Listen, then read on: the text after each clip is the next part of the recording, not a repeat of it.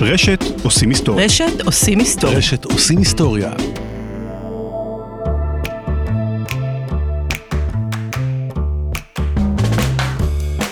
באופן ספונטני אנחנו כל הזמן נפצעים וכל הזמן הגוף מרפא את עצמו. כאשר חסרות לנו תסיות, הגוף לא יכול לסתום את אותם חורים, ולכן אנחנו כל הזמן יכולים להתמלא בשטפי דם, בלי שבאמת תהיה חבלה או פצע. אז כאשר אנחנו נעשה משהו יזום אצל שיננית או אצל רופא שיניים, אז יהיה לנו דימום מוגבר הרבה יותר מכל אחד אחר.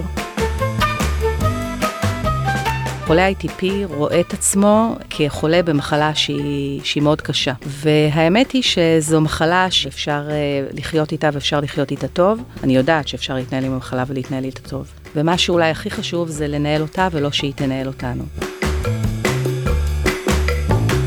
מחסן הנשק שלנו לטיפול ב-ITP הולך ומתרחב. מה שנורא מעניין זה שגם אם אנחנו לוקחים את החולים הכרוניים הקשים האלה, שכבר קיבלו המון טיפולים בעבר, בין 20 ל-30 אחוז, לאורך זמן אנחנו נוכל או להפחית מינון, או אפילו להפסיק את הטיפול, והם ייכנסו להפוגה.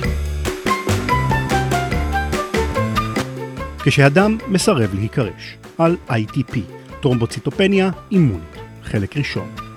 מוגש כשירות לציבור על ידי חברת נוברטיס, ואין לראות בתכנים המלצה או תחליף להיוועצות עם רופא. אני מניח שאם הייתם נתקלים בראשי התיבות ITP, לא הייתם מתרכזים בהן יתר על המידה. כולה שלוש אותיות כמו ANC, VCR, TLV או LSD. האמריקנים האלה מתים על הקיצורים שלהם, זה בטח סתם עוד משהו כזה. מצד שני, אם אתם כמוני, אם הייתם נתקלים בביטוי המלא טרומבוציטופניה אימונית, ודאי הייתם מתעכבים יותר מרגע אחד לחקור במה מדובר. משיעורי הביולוגיה אתם זוכרים שטרומבוציטים הם איזשהו חלק שמסתובב בדם, כי תכלס, לא לגמרי התרכזתם בשיעור. ושוב, סליחה אורנה. ואימוני, זה אתם זוכרים היטב, קשור במערכת החיסון. כשהמטולוגים פוגשים מטופל או מטופלת, מעבר ל... להסתכל להם בעיניים ולשאול לשלומם, הם מסתכלים על שלל פרמטרים שניתן לראות באופן מפורט בתדפיסי המעבדה של בדיקות הדם שעשינו. ספירת דם, משטח דם, ביוכימיה, אנדוקרינולוגיה, המטולוגיה ועוד רבות וטובות, שמטרתן אחת, לגלות מה מסתובב בתוך נוזל הדם שלנו. במערכת ההסעה המרכזית של הגוף, נוזל הדם, יש הכל.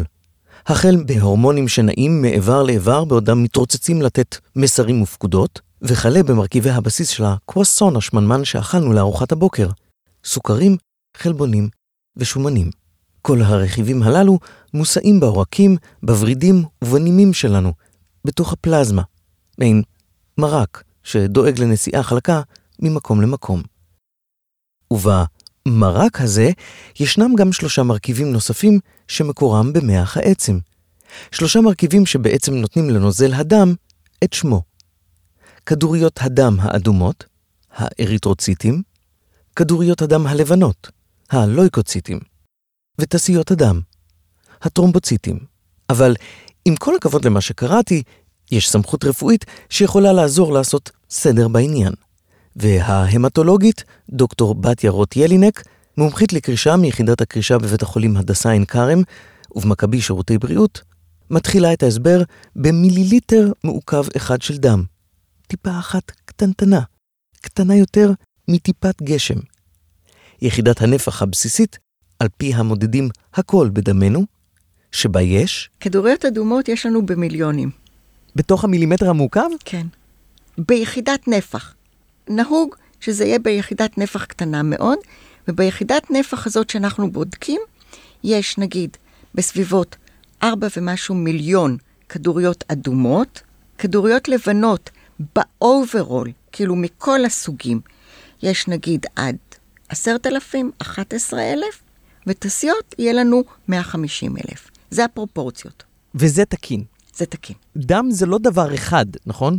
דם, יש לו את, נגיד, את נוזל הדם, שבתוכו מומסים המון חומרים, החל ממלחים שונים, סוכר, שומנים, כל הדברים האלה, אבל יש גם כל מיני חלבונים אחרים. עכשיו, חלק מהחלבונים האלה הם חלבונים שהם מרכיבים של מערכת הקרישה. אני מניח שמאזיננו אה, יודעים ש... שהדבר הכי חשוב בחיים הוא זרימה. ואני יודע שרופאים, אם יש דבר שמאוד לא אוהבים, זה סטזיס, עימדון. ועדיין, המומחיות שלך היא בקרישה. זאת אומרת, משהו שהוא חייב לא לזרום, לא לזוז. מה קורה פה? בלי קרישה, כל אחד מאיתנו פשוט ימות מכל חתך קטן באצבע.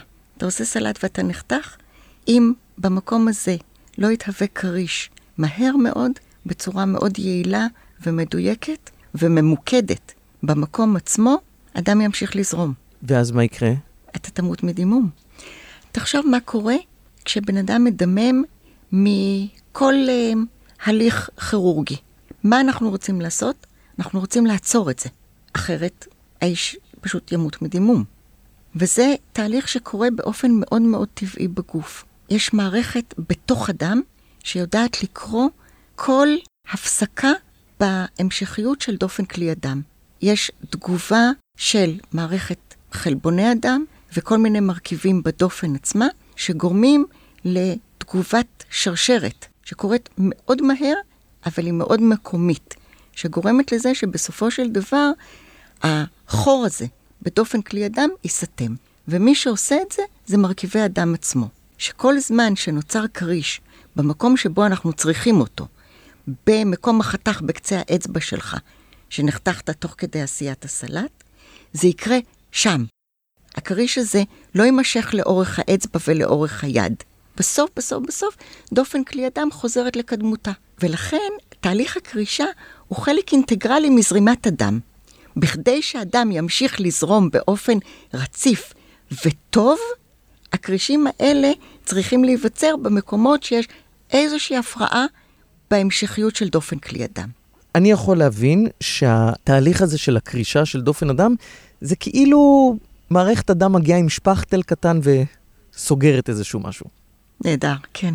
זה תהליך מופלא, כי זה תהליך שבו גם מרכיבי הדם וגם המרכיבים של הדופן יודעים לדבר אחד עם השני בצורה שגורמת לתהליך הזה להיות מאוד ממוקד, להיווצר במקום שצריך אותו ולא במקום אחר.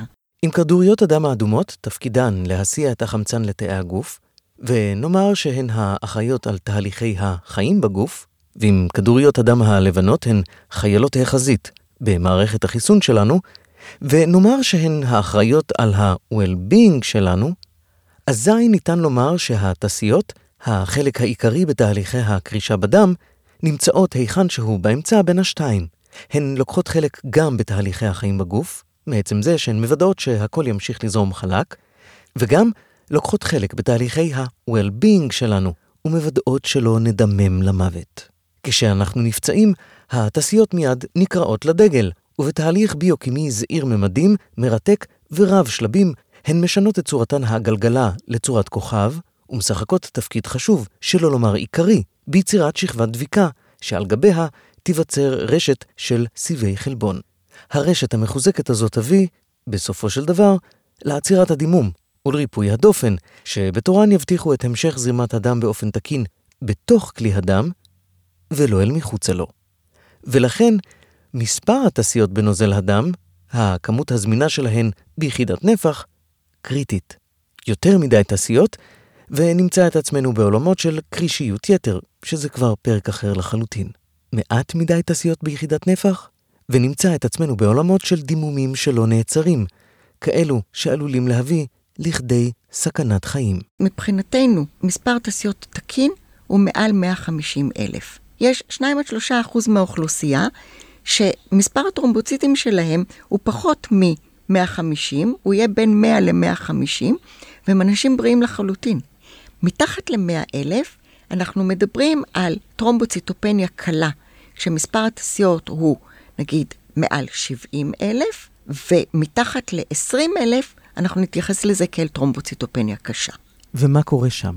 מה קורה אם יש לי שמינית בערך ממה שאמור להיות לי? אז בעצם מה שאתה שואל זה מה יכול להיות הביטוי של מחסור בטרומבוציטים. מה קורה כשמספר הטרומבוציטים הוא בקיצון, נגיד אפילו פחות מ-10,000. הסיכון לדמם במקרים כאלה עולה.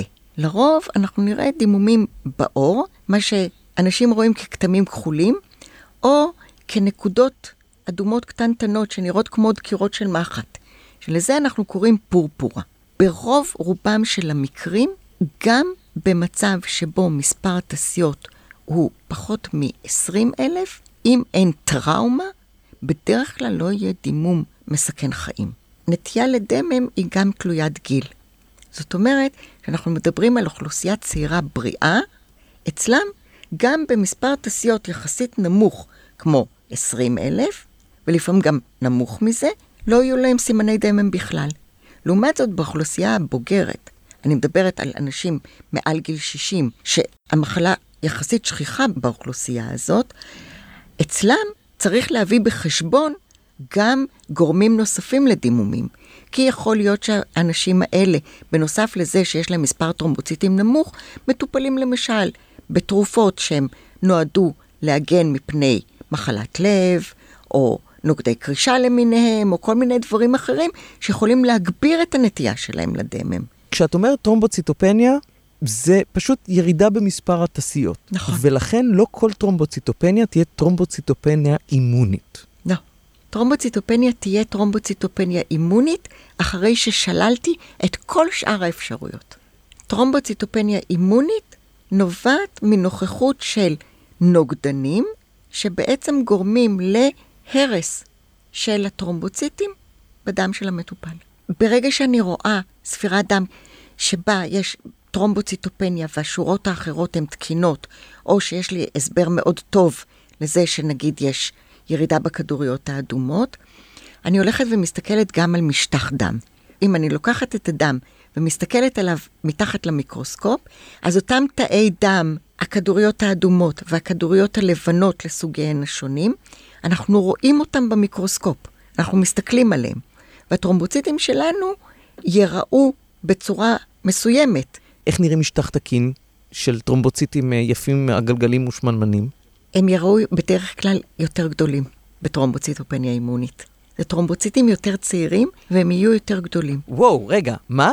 אז זה, הפוך ממה שחשבתי. זאת אומרת, כאילו, נכון. באנשים עם 100 אלף עד 150 אלף, כאילו, בתסיות תקינות, אז הם יהיו, מה, רזות יותר ו... לא, הן פשוט יותר קטנות. ההשוואה שלנו היא לתאים אדומים. זאת אומרת, אנחנו משווים את הגודל של תסית לגודל של כדורית אדומה. תסית לא צריכה להגיע לגודל של כדורית אדומה. אם הן נראות באותו גודל, אז הן גדולות. הם אמורים להיות הרבה יותר קטנים מכדוריות אדומות. הם אמורים להיות בערך חצי הגודל.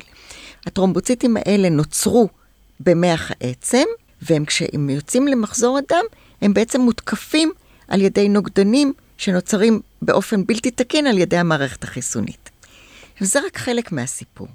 כי בחלק מהמצבים, הנוגדנים האלה, שמופיעים במחזור הדם, בעצם הולכים גם למקור, למקום הייצור, למח העצם, ותוקפים גם את תאי האב שמייצרים את הטרומבוציטים, שאנחנו קוראים להם מגה קריוציטים.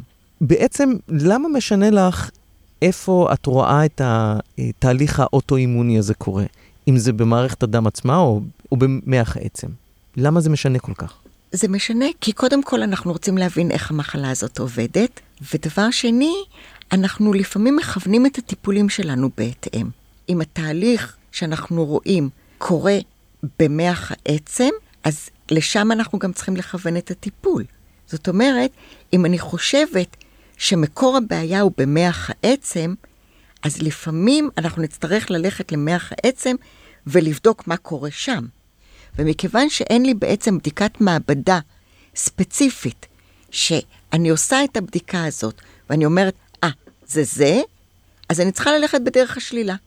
ודרך השלילה אומרת שאני בודקת באמת את כל המצבים שיכולים להפריע למח העצם לייצר, כולל גידולים למיניהם, כולל מחלות אוטואימוניות אחרות, כולל כל מיני מצבים שבהם טרומבוציטופניה היא רק חלק מן התמונה, כולל מצבים של טרומבוציטופניה מולדת, וכלה במצבים שבהם טרומבוציטופניה נגרמת מתרופות בכלל. זאת אומרת, זו תופעת לוואי מאוד שכיחה של מגוון מאוד רחב של תרופות. אם מסתבר שאני מדברת על בחור צעיר שעכשיו התחיל לקחת איזשהו תוסף מזון שהוא קנה באיזה חנות טבע, אני הולכת לבדוק את המרכיבים של זה. כי יכול להיות שזה חלק מן העניין. יש כל מיני מרכיבים שלא תמיד חושבים עליהם. קינין, המרכיב שמופיע בטוניק, ואנשים משתמשים בזה כמשקה, וזה יודע לגרום לטרומבוציטופניה. נשים בהיריון משתמשות בזה נגד בחילות, וזה יודע לגרום לטרומבוציטופניה. התחקור של מי שאתה מסתכל על הטרומבוציטופניה שלו, הוא לא רק במספרים, אלא גם הבן אדם. מי הוא, מה מחלות הרקע, מה הגיל, באיזה נסיבות, ממתי זה. כל הדברים האלה הם חלק אינטגרלי מההבחנה, כי ההבחנה בסוף היא בדרך השלילה. וברגע שאת מגיעה להבחנה הזאת, שמדובר על טרומבוציטופניה אימונית, יש לה כמה דרגות, נכון? זאת אומרת, זה תלוי מתי את תופסת את זה, נכון? יש לכם מין חלוקה כזאת. יש לנו חלוקה שהזמן שחולף מאז האבחון, קדימה, נותן לי איזושהי חלוקה של מצב שאנחנו קוראים לו טרומבוציטופניה אימונית חדה, שהיא עד שלושה חודשים, טרומבוציטופניה עיקשת בין שלושה חודשים לשנה, ומעבר לשנה זה טרומבוציטופניה אימונית קרונית. זה לא אותה מחלה אצל ילדים ואצל מבוגרים. ילדים ומבוגרים התנהגו אחרת, או רוב רובם של הילדים עם טרומבוציטופניה אימונית, זאת תהיה מחלה חדה, שהיא, לשמחתנו הרבה, רובם מחלימים תוך כמה שבועות, או קצת יותר מזה, ופשוט, כמו שזה בא, ככה זה נעלם. הם לא צריכים אותי, והם לא צריכים מישהו אחר. אבל בדרך כלל, אם באמת רואים מספר מאוד נמוך, הם יגיעו להמטולוג ילדים. במבוגרים, לרוב זאת באמת, אם אנחנו רואים את זה, ברוב רובם של המקרים זאת מחלה קרונית, מחלה ממושכת. זאת אומרת שבעצם אצל ילדים זאת תהיה מחלה אקוטית, לרוב. ברוב. ואצל אה, מבוגרים זה יהיה מחלה כרונית. נכון. אם אני מבקש ממך לבוא ו- ולהגיד לי מי הם האנשים שבעצם באים אלייך, מי הם המטופלים, מי האוכלוסיות, אפשר לחלק אותם לקבוצות מסוימות? יש לך איזשהו מבט על של אנשים ש- שאת אומרת, אלה המרכיבים במרפאה שלי? אז כמו שאמרתי, ילדים לא יגיעו אליי. ילדים יגיעו להמטולוג ילדים. כי ילדים הם לא מבוגרים קטנים. הם מתנהגים אחרת, זה מחלה אחרת, זה מהלך אחר, הטיפולים הם קצת שונים. טרומבוציטופניה אימונית מתנהגת אצל ילדים לרוב אחרת לגמרי מאשר אצל מבוגרים, וגם עולם התוכן של ילדים חולים הוא שונה לגמרי משל מבוגרים. לילדים יש הורים, והורים צריכים להיות חלק מהתהליך. והאינטראקציה בין המטפל, ההורים והילד, היא אינטראקציה שהיא מקצוע בפני עצמו. ילדים, גם כשהמחלה שלהם היא קרונית והם צריכים טיפול, אז הטיפולים שאנחנו נותנים להם הם טיפולים מוצלחים, ולרוב הילדים האלה מסתדרים היטב. עם מחלתם, זה בהחלט לא משהו שהוא משנה את מהלך החיים הטבעי שלהם. אז זאת הקבוצה של הילדים, ומי שיגיע אליי זה האוכלוסייה הבוגרת. ובאוכלוסייה הבוגרת אנחנו רואים בעצם שכיחות של טרומבוציטופניה אימונית, גם בגילאים המאוד צעירים, זאת אומרת גילאי העשרה, לאורך שנות הפוריות של נשים בגיל הזה, ועל זה אולי נדבר עוד מילה בהמשך. וקבוצה חשובה נוספת היא האוכלוסייה המבוגרת, מעל גיל 60, וגם בני ה-75 פלוס, שאצלם טרומבוציטופניה אימונית יכולה להיות בעלת משמעות אחרת, גם בגלל הנטייה המוגברת שלהם לדימומים, וגם בגלל מחלות הרקע שלהם, ואולי הצורך שלהם בטיפולים תרופתיים נוספים שיכולים להגביר נטייה לדמם, כמו נוגדי קרישה למיניהם שנזקקים לזה בגלל אלף סיבות אחרות שלא קשורות בכלל לטרומבוציטופניה האימונית, אבל צריך להתחשב בזה כשאנחנו מחליטים איך לטפל ואיך לנהל מטופל שיש לו גם טרומבוציטופניה אימונית, אבל גם מחלות אחרות. וההבדלים בין הקבוצות השונות האלה גם נותנים בעצם כיוונים טיפוליים שונים, כי אנחנו צריכים לעשות תיאום ציפיות.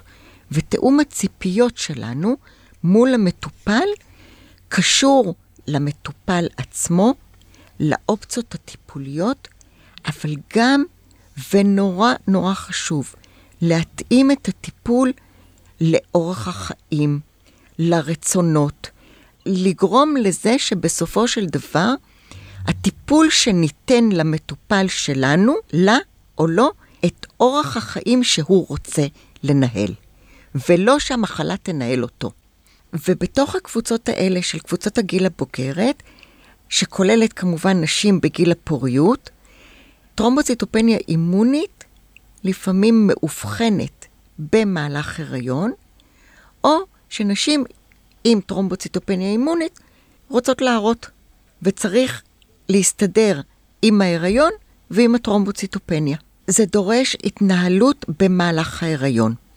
אישה בהיריון, אני צריכה להתחשב בעד כמה היא קרובה ללידה, בכדי לא להגיע עם מספר נמוך של טרומבוציטים ללידה, לסכן אותה בדימום, שיכול להיות דימום, בלידה אפשר להגיע לדימום מסכן חיים, עם מספר טרומבוציטים נמוך, אני לא מדברת על להלחיץ את כל המערכת, אני מדברת על לסכן אותה, אוקיי? אני לא רוצה להגיע לשם ולהגיד, וואו, אנחנו עכשיו בקטסטרופה, צריך מהר מהר לטפל בזה. אני רוצה להיות מוכנה מתחילת ההיריון. אני רוצה לדעת אם היא מגיבה לטיפול, אם היא בכלל צריכה טיפול במהלך ההיריון, האם לשמור את הטיפולים רק לקראת הלידה, מה להגיד לה, איך הטרומבוציטופניה שלה יכולה להשפיע על העובר שלה. זה דאגה שנשים בהיריון מביעות. האם זה יכול להשפיע? באיזה אופן? אותם הנוגדנים שדיברנו עליהם, שבעצם משוטטים בדמה שלהם, יודעים לעבור שליה, והם יודעים לעשות לתסיות של העובר את מה שהם יודעים לעשות לתסיות שלהם. זה לא קורה בהכרח, אבל זה יכול להיות. זה עובר שליה? זה עובר שליה. כן. כן. ולכן צריך לנהל הריון של אישה עם טרומבוציטופניה.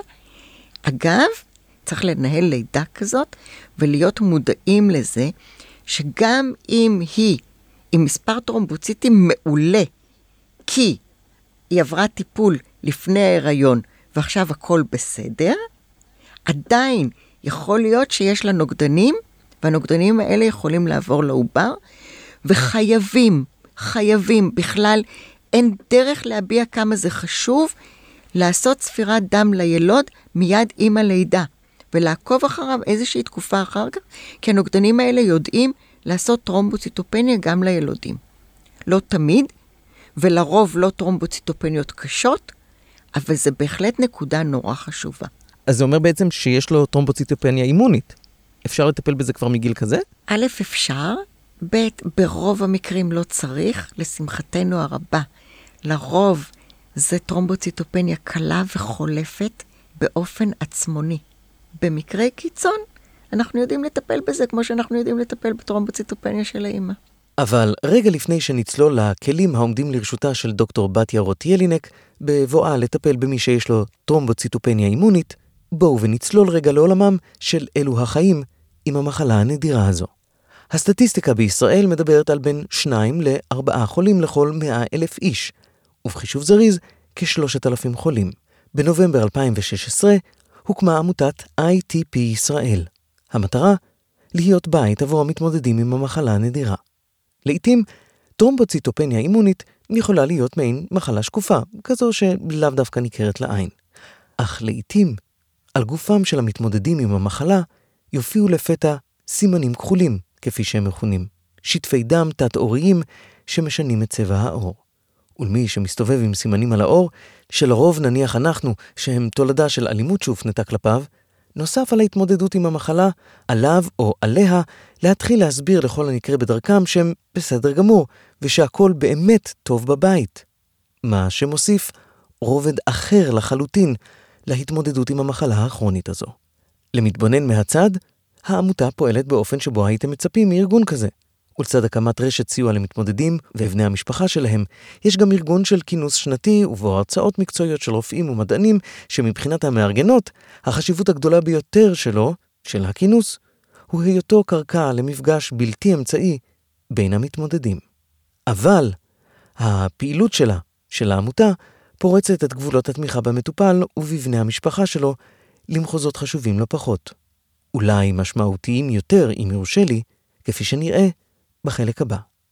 ראשית אבל, בואו ונכיר את עורכת הדין מיכל וינוגרד ואת לירון להב, שמנהלות במשותף את עמותת ITP ישראל.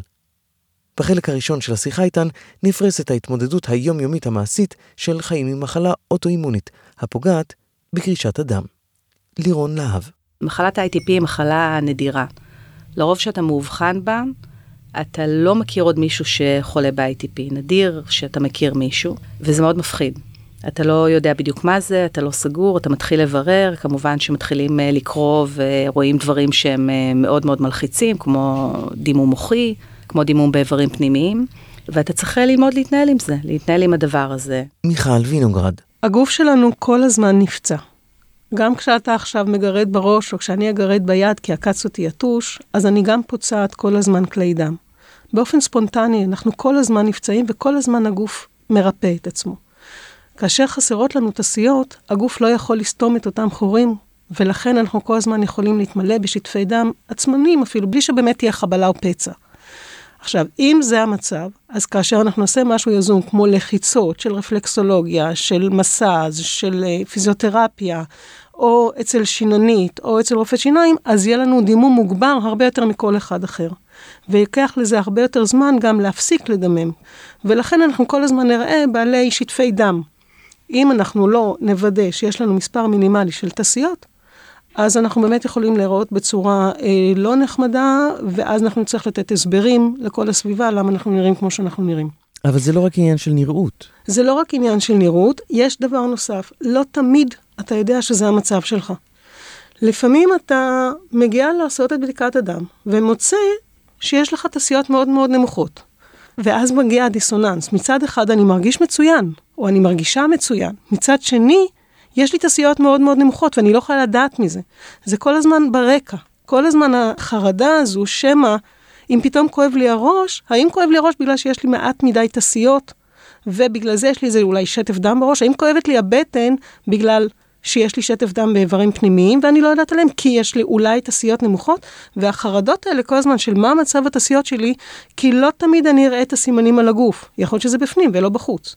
ואז החרדה הזו היא כל הזמן קיימת. זהו, העלית פה את המילה שבאמת כתובה לי על, ה... על הדף, חרדה. אתן פוגשות את החרדה הזאת כל פעם מחדש.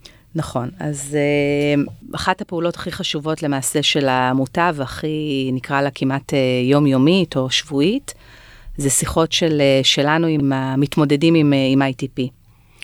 יש לנו קבוצת uh, פייסבוק uh, מאוד uh, פעילה, מאוד uh, ממוקדת, שבה משתתפים uh, חולי ITP ובני משפחותיהם, והרבה פעמים uh, מגיעים משם ומתקשרים אלינו לשאול, לשאול שאלות.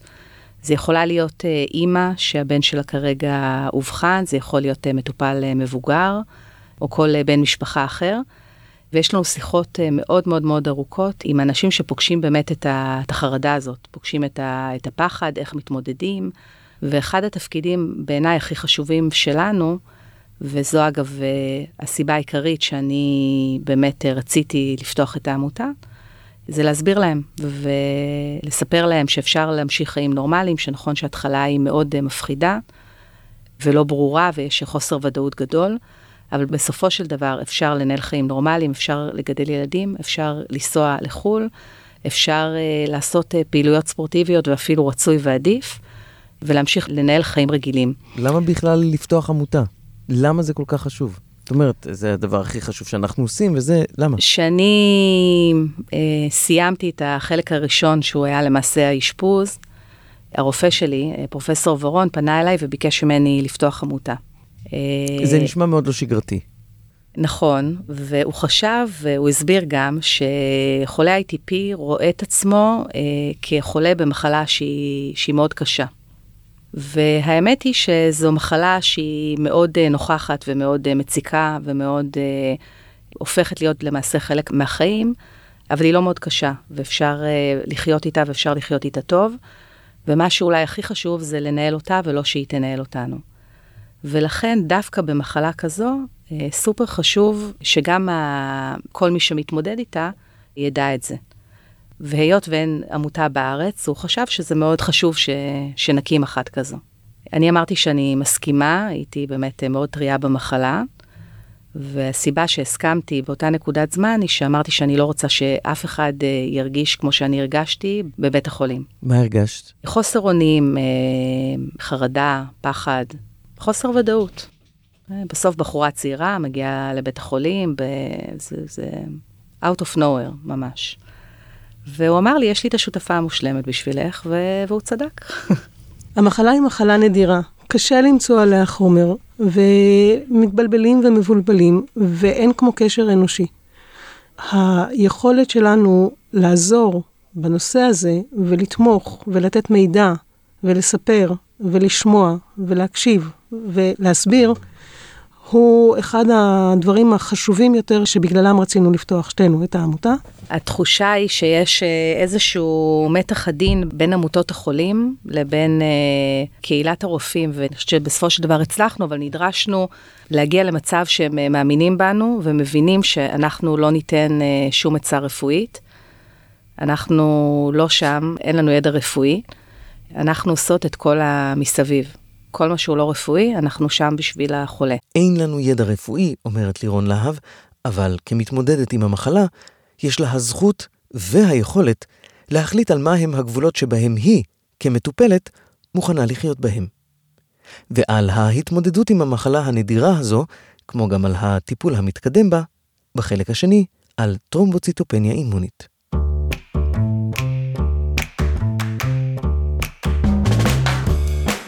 כשאדם מסרב להיקרש, על ITP, טרומבוציטופניה אימונית, חלק ראשון.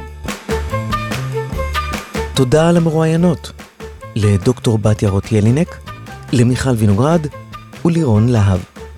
תודה ליותם הלחמי. אני עידן כהן, להתראות בפרק הבא.